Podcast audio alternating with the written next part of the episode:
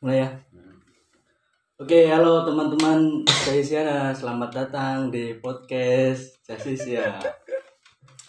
Sebelumnya kenalin nih, nama aku Faiz ya. Ini saya ditemani dengan eh, rekan saya, rekan yang biasa hidup bareng itulah. Tapi beda kalau soal mandi ya beda. Kita nggak bareng ya. Namanya Cak Rus. Nama lengkapnya Rusda Hoiruzaman. Eh, biasa dipanggil dengan Cak Rus. Kali ini Cak Rus nanti akan saya minta untuk bercerita lebih apa ya? Ngobrol buku. Ngobrol buku lah ya istilahnya. Ngobrol buku. Nanti Cak Rus bisa menerangkan apa sih yang sudah dihasilkan dari buku yang sedang dibaca oleh Cak Rus ini. Oh ya sebelumnya saya kenalin dulu ya di apa obrolan kali ini. Jadi podcast saya itu sebenarnya sudah ada ya kemarin itu. Ah, cuma Ramadan. Iya Ramadan. Terus dulu juga udah ada aslinya. Ah, tapi cuma ya gitu. Mati biar tetap itu nggak ada yang ngisi. Mati hidup mati hidup. Nah kita ini edisi pertama episode pertama mencoba ngobrolin tentang buku, buku. Apa is bukunya is? Buku kekerasan, Kekerasan budaya pasca eh, 1965 dulu tuh kita juga pernah ya ngobrol buku tapi nggak Oh, di oh. podcast itu kan cuman nggak jadi kan ah. Nah, entah filenya ke mana itu kan nggak jelas semua itu malah emang kita itu terlahir dari nggak kejelasan gitu ya. ya ini udah ada Cak Rus Eh, kami sapa dulu apa kabar Cak Rus baik baik Gimana, ini nih kabarnya? Duh. Kok bisa kompak gitu ya balasnya? ya ini maklum ya edisi pertama juga belum Hmm. uh, belum optimal kita masih menem, apa masih mencari bentuk ini gimana podcast selanjutnya ini kan. ya baik kabar Uh, Kesehatan aman. aman-aman Vaksin udah ya? udah, Udah dua kali. kali. dong bukan pengikutnya Jerry jerinya kalau kata Alvin Pendem gitu. Ah. kantong juga aman terus ya? aman itu itu ada pemasukan itu ada gitulah Asmara enggak? enggak Tentu saja kalau asmara itu kelemahan bagi Cak Rus ya.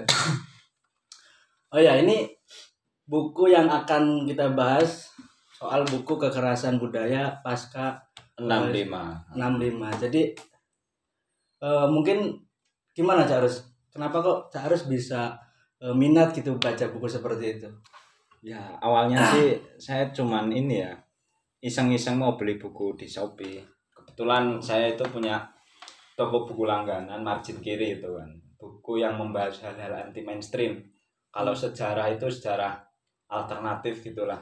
Enggak seperti yang ada pada modul sekolah. Nah itu kalau ibaratnya gitu. Nah buku ma- margin kiri ini kan banyak sekali mengungkap eh, sejarah-sejarah atau narasi-narasi yang jarang kita ketahui baik di bangku sekolah, kuliah atau apa pun. Nah Hmm, kebetulan saya nemu tema menarik nih buku apa namanya karya Wijaya Herlambang. Beliau udah wafat tahun 2015.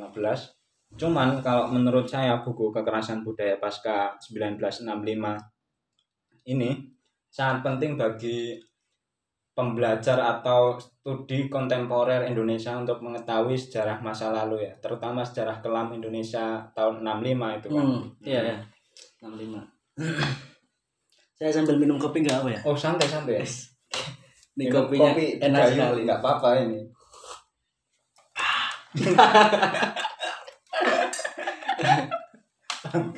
minuman kopi itu ada di suara ahnya itu Heeh.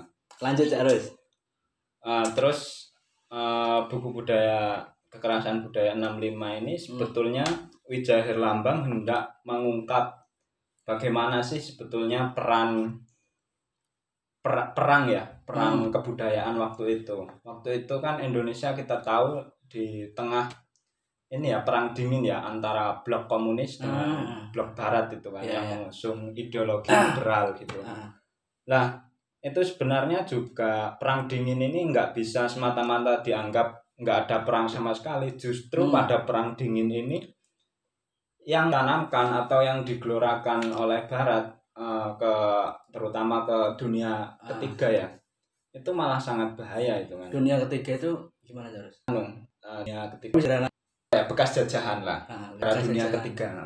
bekas jajahan seperti Indonesia terus kemudian negara-negara Asia Hmm. Tenggara India itu kan negara bekas jajahan semua kan nah itu Amerika hendak ya eh, ini apa namanya me, ini menggelontorkan Hmm. wacananya atau idenya melalui medium-medium kebudayaan. Nah, salah satunya ya melalui intelektual-intelektual waktu itu banyak sekali intelektual waktu itu yang menjadi pengusung Hmm. ideologi liberal. Kalau di Indonesia jadinya humanisme universal. Ya, ya.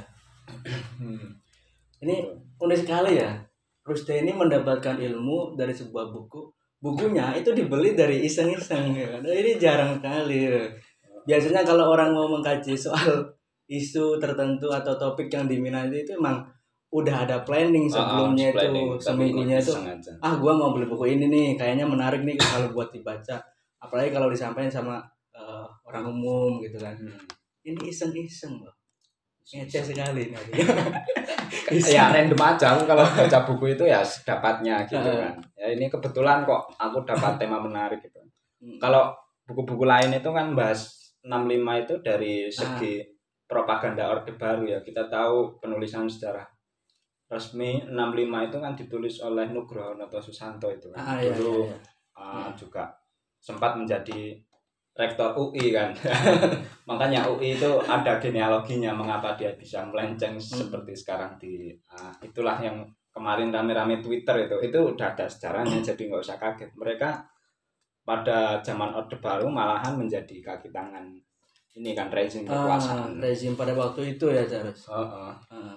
berarti nggak heran kalau sekarang itu udah ada polemik yang seperti itu. Iya yang penting itu jangan digegerin lagi di Twitter Oh, oh. bahaya itu buat Ya, cocok cuman kan kata Karl Marx kan apa namanya sejarah selalu berulang dua kali. Pertama Nah. sebagai tragedi kedua ya lelucon ini kan seperti rektor UI yang kemarin itu kan. Jadi ini kita nanti ditangkap gas itu ada tukang bakso depan itu. yang bagus bawahnya HP nanti Sekarang tukang sate bawa sate. oh sate ya satenya apa kambing sate Sate, lumba-lumba. oh ya ini Charles Eh, mungkin pertanyaan pertama dari saya gini ya soal tadi kan udah dibahas nih bagaimana eh, kondisi pada waktu 65 itu dan pasca 65 selanjutnya kalau disederhanakan terus eh, kekerasan budaya ini bagaimana gitu. Oh, nah. Ah, jadi di sini Wijaya Lambang itu pakai teorinya Johan Galtung itu kan. Johan Johan Galtung itu seorang teoritisasi uh, studi kan- konflik ya. Dari Dia eh, studi konflik dia membagi kekerasan itu menjadi tiga bagian. Kalau kekerasan yang sering kita kenal kan kekerasan Hmm. secara fisik ya. nah Itu, itu, kalau menurut Galtung itu kekerasan pada tataran yang paling rendah paling rendah atau Hmm. paling luar itu kan kulitnya ibaratnya. Hmm, Nah kalau Galtung dia membagi menjadi tiga bagian. Pertama ya emang kekerasan fisik itu ada. Kemudian kekerasan struktural kalau kata Galtung. Kekerasan struktural itu kalau kata Galtung ya contohnya kalau yang ada sekarang ya berupa kebijakan yang menindas masyarakat Ah. kecil misalkan BBM mahal terus Ya. kemudian di tengah pandemi ini kan kita tahu sendiri bansos dikorupsi ah, terus kemudian nggak sampai nggak tepat sasaran Eh, kita melihat sendiri malah bahwa vonis hakim terhadap si Kang colong apa namanya bansos itu divonis ringan apalagi dituntut 500 juta itu kan. Nah itu hal itu eh, hal namanya kekerasan struktural gitu kan. Kekerasan secara tidak langsung ah, ah. tapi efeknya berimbas eh, kita rasakan gitu. Iya iya. Nah, terus selanjutnya kata Galtung, kekerasan yang paling halus atau kekerasan yang uh, beroperasi di alam bawah sadar kita, ya kekerasan budaya, kekerasan cara berpikir kalau Galtung uh, mendefinisikan Hmm, di sini. ah, Jadi ada kata legitimasi dalam definisi Galtung terhadap hmm, uh, kekerasan budaya. Uh, contohnya ginilah, kekerasan budaya itu ya kita menganggap hal itu yang wajar. Misalkan kalau Galtung apa namanya menempatkan teoritisasi ah, Wijaya ya, sorry Hmm, Wijaya Wijaya. Menempatkan teori Galtung pada untuk menganalisis peristiwa 65 dia menganggap bahwa kekerasan secara fisik terhadap simpatisan partai komunis atau anggota partai komunis itu juga didukung oleh kekerasan lain ya namanya kekerasan budaya Ah. mustahil kekerasan secara fisik itu terjadi tanpa mendapat legitimasi dari dari kekerasan budaya gitu Hmm. kekerasan cara berpikir ya Ya. kita gini loh eh, gampangannya kita menormalisasi peristiwa 65 atau kekerasan pembunuhan terhadap eh, simpatisan komunis Ah. dan lain sebagainya bahwa itu adalah hal yang seharusnya memang terjadi karena Hmm. komunis itu eh, dia udah memberontak dengan Ya. menculik tujuh jenderal itu kan Hmm. dewan jenderal itu lah, dan lain sebagainya lah itu kita benarkan sebetulnya kan hal-hal seperti itu juga kata Galtung ya kita nggak bisa Hmm. Nggak bisa melegitimasi gitu. Kekerasan budaya sama mengerikannya dengan kekerasan secara fisik kalau kata Galtung itu berarti sebenarnya kekerasan itu semakin soft semakin bahaya ya? Ah, semakin bahaya. Kan tadi eh, Cak Arus bilang kan kalau apa namanya kekerasan secara fisik itu masih kulitnya ya. Ya, kulitnya. Ibaratnya eh, baru ngupas gitu kan. Baru kalau dalamnya nanti ada tahapnya kekerasan yang kedua apa tadi? struktural ya kan kekerasan struktural yang dibuat oleh para ah, pembuat kebijakan kita itu wah itu gimana ya aslinya Charles kan kebijakan itu biasa dinilai sebagai sebagai hal yang baik gitu Ah. kan pemerintah nih ngeluarin kebijakan orang-orang kan terimanya oh, Ah, ternyata pemerintah ini open gitu kan membuat undang-undang ah. tapi ternyata kita Ya, aja bisa. ah, malah melemahkan rakyatnya malah memiskinkan Ya contoh nyata kalau kita pakai Hmm. teori Galtung untuk uh, mengetahui kekerasan struktural ya kayak omnibus law itu kan banyak Hmm. menghapuskan iya AMDAL itu kan yang sangat penting bagi pendirian Hmm. satu perusahaan. Cuman kan dihapuskan jadi mengancam alam terus kemudian petani-petani kecil lewat skema-skema kalau kata anu itu neoliberal gitu kan Ah, perdagangan bebas itu. Nggak melindungi nggak ada kepastian ekonomi kepada rakyat kecil itu. berarti mereka itu memang keras tapi tidak secara langsung yang biasa. Kalau secara langsung itu kan basic. Mm-mm. eh, kita langsung dijat nih kan. Oh, langsung dijudge. wah ini jelek nih kalau pemerintah kayak gini. Akhirnya dengan kebijakan yang lain sehingga masyarakat itu ya Ah. apa lemah Lah, gitu kan. ini loh is. Gimana? Yang sering kita dengar sebetulnya itu kekerasan budaya uh, tersemat pada medium-medium seperti demi negara demi bangsa dan negara kita Waduh. harus tumpas PKI kita sering dengar itu di mana-mana sering sekali terutama demo September ya kalau teman-teman belum lupa itu kita kan Menolak lupa kan? Ah, menuma- menolak lupa kita kan dibubarkan di gubernuran itu secara brutal kan banyak teman-teman kita yang ditangkap bahkan saya sendiri juga ketangkep oh kan. ketangkap Charles ini keren Iya. nah itu kan lagi-lagi uh, apa namanya jargon yang digunakan Hmm. oleh aparat keamanan itu kan demi keamanan, demi kenyamanan, demi kestabilan. Nah itu sebetulnya di dalam uh, kata-kata tersebut juga beroperasi kekerasan budaya. Kekerasan Hmm, itu ya mereka menganggap ya kekerasan itu diperlukan karena ah, demi keamanan, demi kenyamanan. Lah itu demi dan demi-demi yang lain itu kan. Itu tersemat kekerasan cara berpikir sebetulnya. Sebenarnya juga pandai-pandai menarasikan itu kan Oh, dengan narasi demi atau apa Oh, itu seolah-olah emang oh iya saya ini melegitimasi, Ah, ah. melegitimasi apa yang dia perbuat itu. gitu kan.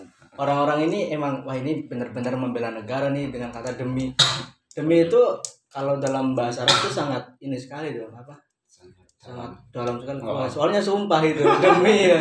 Wallahi ya itu Ah, kan ah. kayak gitu gitu. Demi bangsa dan negara belakangnya Ah, itu. korupsi bansos Nah, kan Itu kayak gitu kekerasan budaya kalau kata Galtung. ah, iya. Terus lanjut ini Lanjut, masih lanjut, banyak lanjut. sekali ya. Ah.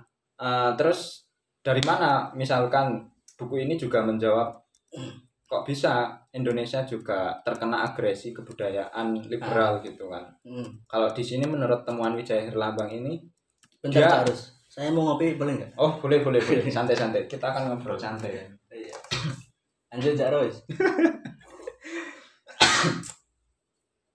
kopinya enak sekali singgawi Alpin Gimana dapat belum dapat sponsor ya podcast kita ya. Hmm, kopi kapal api tapi ke mana-mana Udah. Heeh. ayo lanjut terus Terus dalam temuan buku ini Wijaya Herlambang juga menguak fakta menarik ya bahwa agresi kebudayaan ini terjadi tidak secara tiba-tiba. Dia ada prosesnya ada prosesnya terutama melalui intelektual-intelektual eh, Amerika ya. Ya enggak Amerika sih, ya orang Indonesia cuman dia hmm.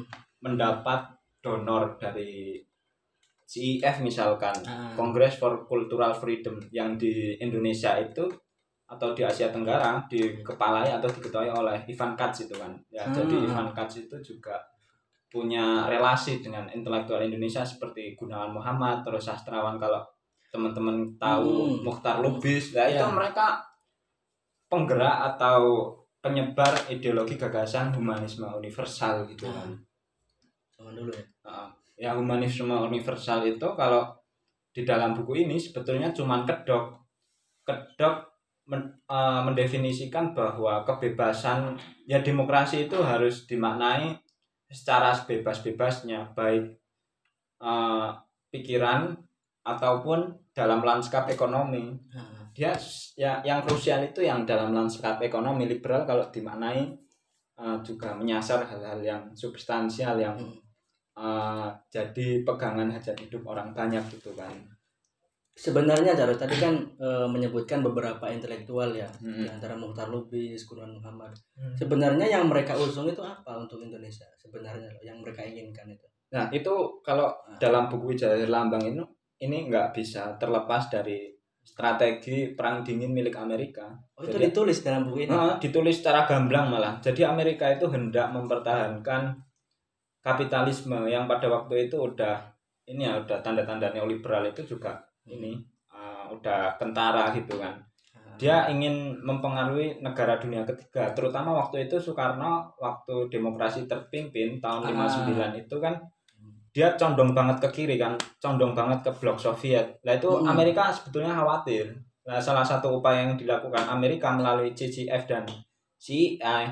Jadi CCF ini kan Hmm. kaki tangan CIA kan Hmm. yaitu melalui agresi kebudayaan dia menyebarkan paham liberal yang di Indonesia dikenal dengan humanisme universal itu kan demokrasi harus dimaknai sebebas-bebasnya oleh individu mereka ber- eh, bebas berbuat apa pun dan juga untuk melegitimasi eh, kapitalisme gitu kan melegitimasi ya dalam lanskap ekonomi kita juga harus menerapkan humanisme universal gitu kira-kira kalau kata Iya. budayawan eh, yang didanai oleh CIF dan CIA ini kan. Hmm. Jadi melegitimasi gitulah, menyebarkan paham gitu. Nah ini terus kan kekerasan budaya nih ya. Hmm. Budaya itu kan eh, di antaranya banyak kan. Nah, Ada film, sastra, ibaratnya terus banyak sekali itu kan. Ah. Lah praktek yang masuk di Indonesia itu spesifiknya bagaimana budaya? Oh iya itu juga ditulis di Wijaya Herlambang ini secara spesifik. Om Dia, Wijaya ini produktif sekali nulisnya. Oh, oh, cuman dia udah wafat lah. Al-Fatihah buat beliau nanti di Iya. belakang. Al-Fatihah semuanya. Nah itu dia menyebut di sini secara gamblang film dan sastra kan. hmm, film dan sastra. Heeh. Nah, kalau yang urutannya pertama itu setelah 65 itu ada penulisan narasi sejarah versi Orde Baru yang ditulis oleh Nugroho Noto Susanto yang saya sebut di awal tadi kan. Itu yang jarang dibaca orang-orang. Yang jarak yang sering Yang kita sering dibaca. Ah, malah Ah. narasi sejarah bahwa eh, kup militer itu Hmm. didalangi oleh Kolonel Untung yang itu disuruh PKI kan kaki tangan PKI. Sebetulnya Iya. banyak sekali narasi bahkan ada lima versi sebetulnya tahun 65 itu sejarah itu ada lima versi. Cuman kalau di sini secara spesifik Wijaya Hirlambang dia eh, bercerita bahwa film dan sastra ini turut melegitimasi kekerasan pada 65. Dia Hmm. contohkan kalau Arswendo Atmawiloto itu menulis ini pertama-tama film yang mana itu yang legitimasi kekerasan? yang buku pengkhianatan G30 SPKI itu yang novel itu buat narasi lah soalnya. Ah. Nah, kalau yang film ya pengkhianatan 30 G30 SPKI yang di eh, yang ditonton sampai eh diproduksi tahun 82 kalau nggak salah kan itu. Mas. yang biasa diputer-puter Oh. terus itu setiap Ya, iya, setiap September. September itu kan diputar. Setelah itu secara nggak langsung kalau kata Wijaya Herlambang itu juga menyisipkan kekerasan budaya itu lewat Ah. medium-medium film. Jadi kalau kita dikit-dikit ada hantu PKI atau apa, ya sebetulnya itu cuman gorengan-gorengan politik ya, nggak ada Ah. substansinya sama sekali. Meskipun PKI udah runtuh, kalau kita cari sekarang ya nggak ada orangnya gitu. hantu PKI itu kalau buat jok itu nggak ini nggak apa nggak menakutin hantu PKI kalau anak PKI itu nyesek juga sih ada wah lu anak PKI. Nah, itu nyesek gitu. Ya itu hal-hal seperti itu kekerasan budaya yang terjadi di alam bawah sadar. Ya jangan dikira saya bicara seperti ini sama Faiz membincang pro tabu PKI pro PKI ya enggak juga. Kita kan bincang secara anu akademis ya ini juga ada bukunya saya juga ada skripnya nanti juga Hmm. bakal di share gitu kan Ya, jadi ini cuma apa ya refleksi dari buku ini ya. Ah, ah, refleksi ini juga merah sih sebenarnya. ya gitulah Nah, tadi kan Hmm. Nah, tadi kan eh, bilang soal sejarah 65 itu ada lima versi gitu kan. Ah, Nah, lima versi yang sekarang kenal kayak model ibarat nih mm, budaya di dalam budaya itu film ya kan. Iya. Film itu yang bolak-balik kita kita apa namanya? putar kita gitu. putar setiap setiap tahun mbak tahun di September itu. Hmm. Itu adalah film yang itu yang buatan siapa ya buatannya lupa aku. eh, Arifin C. Nur kalau nggak salah Oh, si Arifin. kalau nggak salah ah, kenapa kok hanya film itu? Cara kan perdebatannya panjang itu ya kayak. Heeh.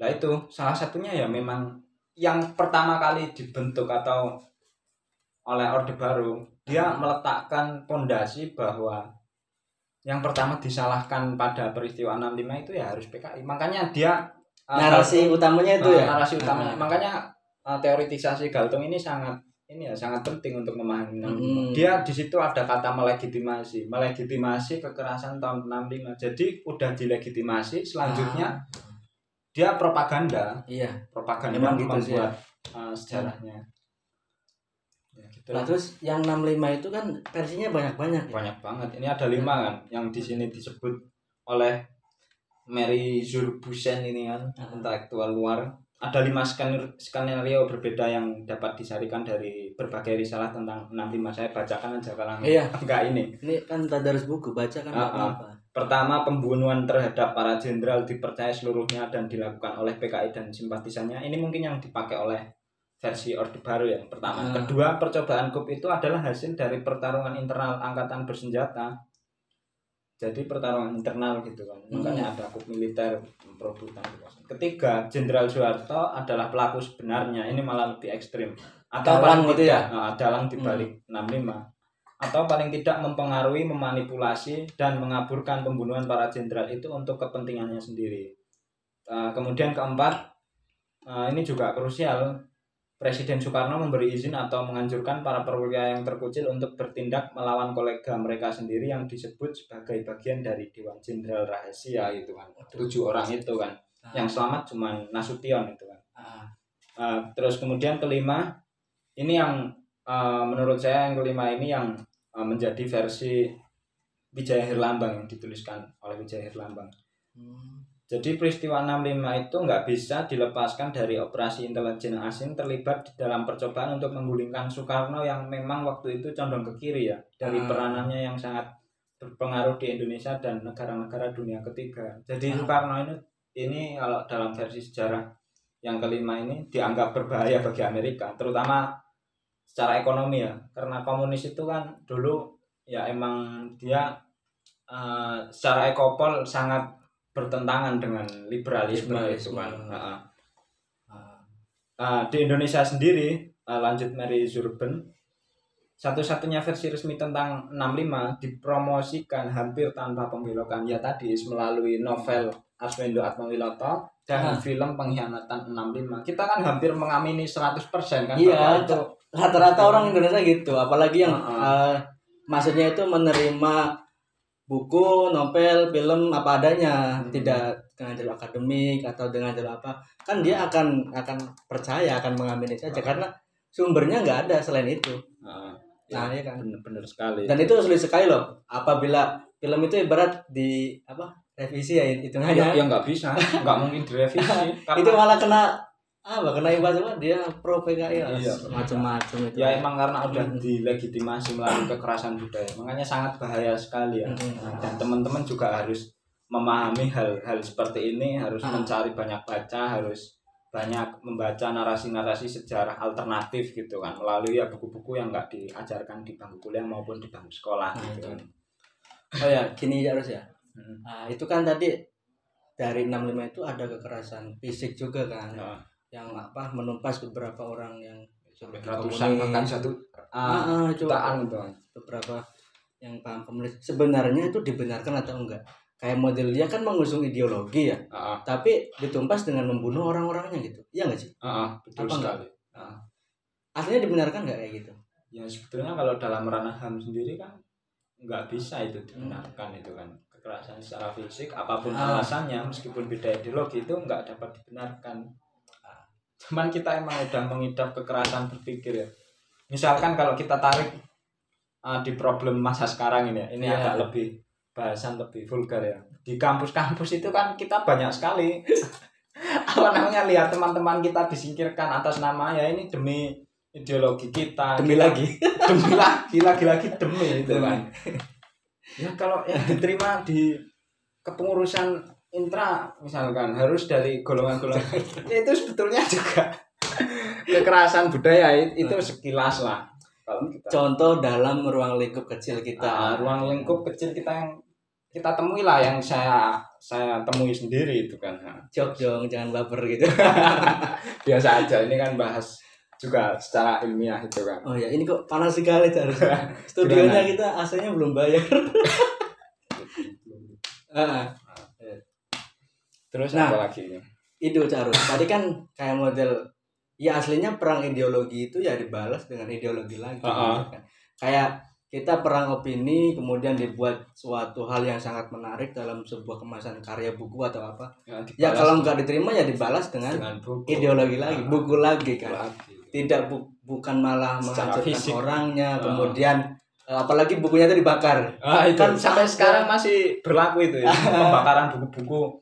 Malah yang lucu di sini Wijaya Lambang Hmm. menceritakan buku karya Frank Magnus Susano Sus- Suseno itu ya Ah. yang tentang eh, pemikiran Karl Marx dari sosialisme utopis ke perselisihan revolusionis. Itu kan sebetulnya mengkritik keras anu ya Marxisme.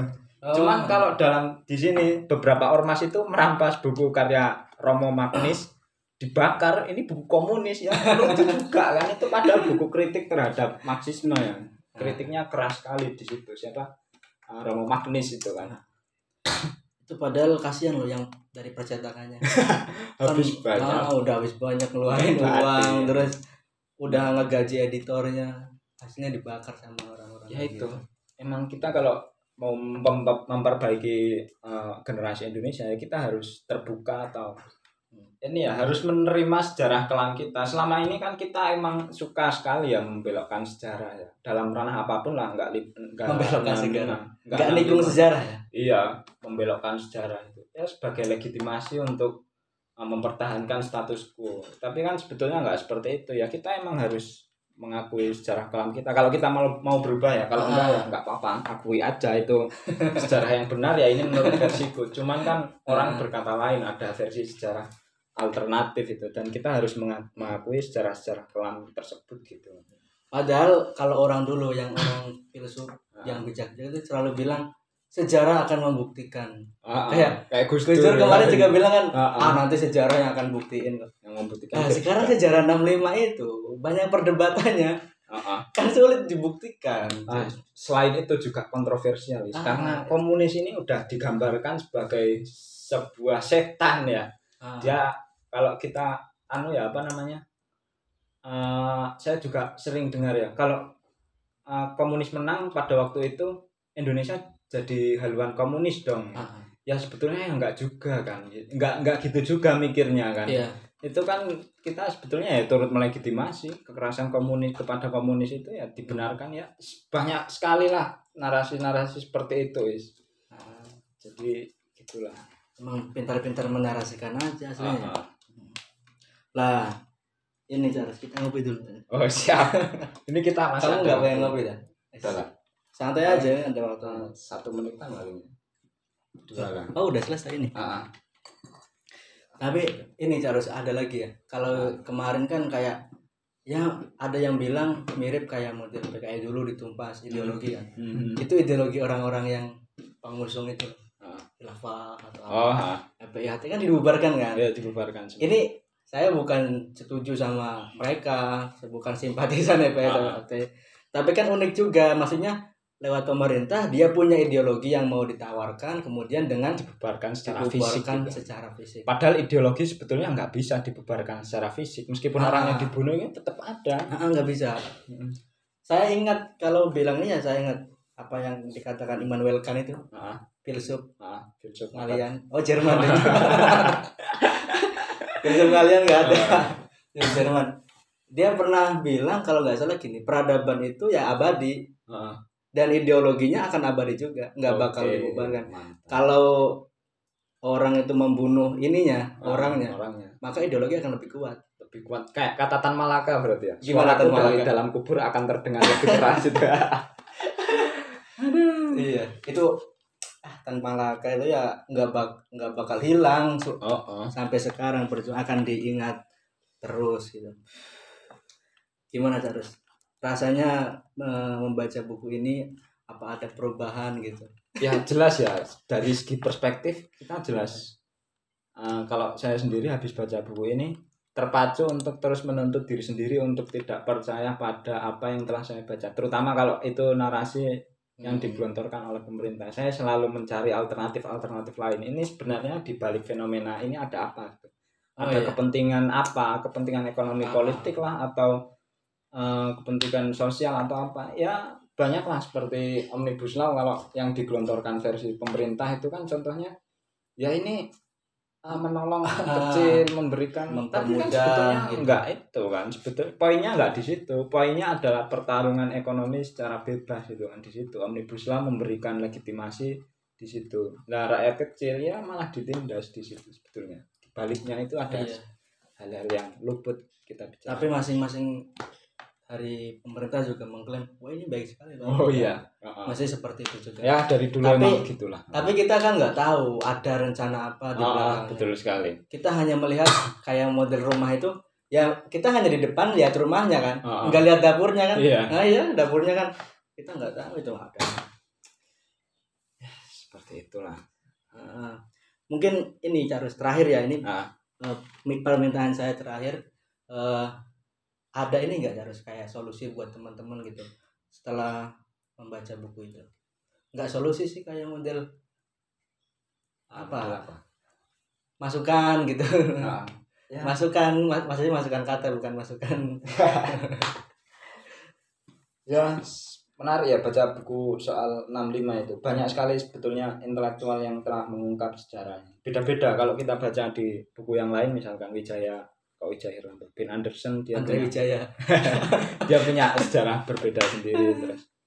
Khusus yang ini saya kira kekerasan budaya ini penting sekali dibaca buat teman-teman khususnya mahasiswa ya. Kalau kalian aktif di organisasi itu juga organisasi pergerakan atau apa pun lah. Mm, penting sekali dibaca supaya kita nggak eh, nggak salah memahami sejarah itu kan. Ada hal-hal yang sifatnya memang sangat halus memang sangat halus ya bekerja di alam bawah sadar kita seperti tadi yang dikatakan Galtung itu kan bekerja di alam bawah sadar kekerasan budaya. Bisa kita terapkan di mana pun teoritisasi Galtung ini dalam eh, kehidupan sehari-hari pun kita sering mendengar kata demi bangsa dan negara maka uh, kekerasan jadi hal yang halal gitu kan. Terus kemudian demi ideologi kita demi uh, demi dan demi demi yang lain lah banyak sekali ada demi kamunya ya nggak ada Luna asmara emang ah gimana is cukup tak cukupin dulu ya Ah, oke ya. teman-teman closing semuanya. Eh, ya. Ini sangat menarik sekali tadi yang disampaikan oleh Cak Rus. ya? Cak Rus ini orang mana? Kendal apa Gresik ini? Bersik lah Gresik, orang Gresik ngakunya, tapi dia kalau mau makan ke Kendal. kebalik balik itu Tadi ada banyak sekali poin yang disampaikan di atas. Tadi ada eh, menurut Galtung tadi kekerasan itu eh, semakin soft, kekerasan itu semakin keras gitu. Nah, semakin bahaya Saya juga punya cerita seharus terakhir ini. ya. apa kemarin itu saya kan makan di angkringan itu Ah. yang di depan pabrik itu ah, betul sekali kan kita udah biasa sih kalau ke situ hmm. makan berapa kan orangnya udah kenal soalnya tiba-tiba ibunya itu perintah saya mas tambah lagi dong gorengannya. Kata bu aku udah kenyang kok tambah lagi kata ibunya. Gak apa-apa mas biar gorengannya habis. Hmm. bilang gitu. Loh kok habis gimana ya? Biar dagang saya habis semua ya karena Soalnya- PPKM ya? Ah ppkm Hmm. saya mau minimalisir eh, dagangan kemudian harus terjual semua biar saya dapat uang mas katanya, iya menghidupi keluarga Ah. dia bilang dia rakyat kecil loh tapi Oh. dia berani bilang aku ki gak diope negoro mas. Bilang gitu. Kan saya kaget banget kok iso bu? Iya negara buat kebijakan soal pembatasan itu tapi eh, soal makanannya apanya itu Hmm. tidak. Di diabaikan. Ini termasuk kekerasan struktural itu is. Struktural. benar-benar. Ah, PPKM itu juga kekerasan struktural itu kan Mm-mm. tapi saling klaim baik sih. Semuanya kayak gitulah. Iyalah cuman kan kita harus bisa menimbang kan. Kita Menimbang. juga stok seorang pem- pem- pembelajar itu juga harus tahu kayak gitu mana yang batil mana yang Ah. sahih gitu batil soalnya bahasanya. Enggak. batil apa hak ya? Mungkin itu aja ya dari eh sebelumnya. Silakan Carus closing statement. Yes. Mungkin tadi udah oh cukup ya? Ah, cukup sekian aja. Sudah cukup sekian. Oke teman-teman, tunggu di episode eh, selanjutnya. Kita akan berusaha rutin lah ya Ah, berusaha. satu atau dua minggu sekali paling isi Ah, ah, kita manggil teman-teman lah yang eh, baca buku soal apa saja. Ini ruang terbuka. Ini bukan apa ya? Bukan Carus di sini bahas soal kekerasan budaya. Bukan selanjutnya nanti akan membahas eh, tema ini terus enggak. Kita akan siapa lagi? Oh ya, saya, saya juga punya teman Haidar Latif itu. Biasanya dia supi-supi gitu bahasanya. selanjutnya nanti anu lah dola lah nanti Faiz si Faiz nanti juga baca punya apa Gampang nanti nanti. ceritakan gitu. Oke teman-teman, terima kasih. Eh, wassalamualaikum warahmatullahi wabarakatuh. Iya.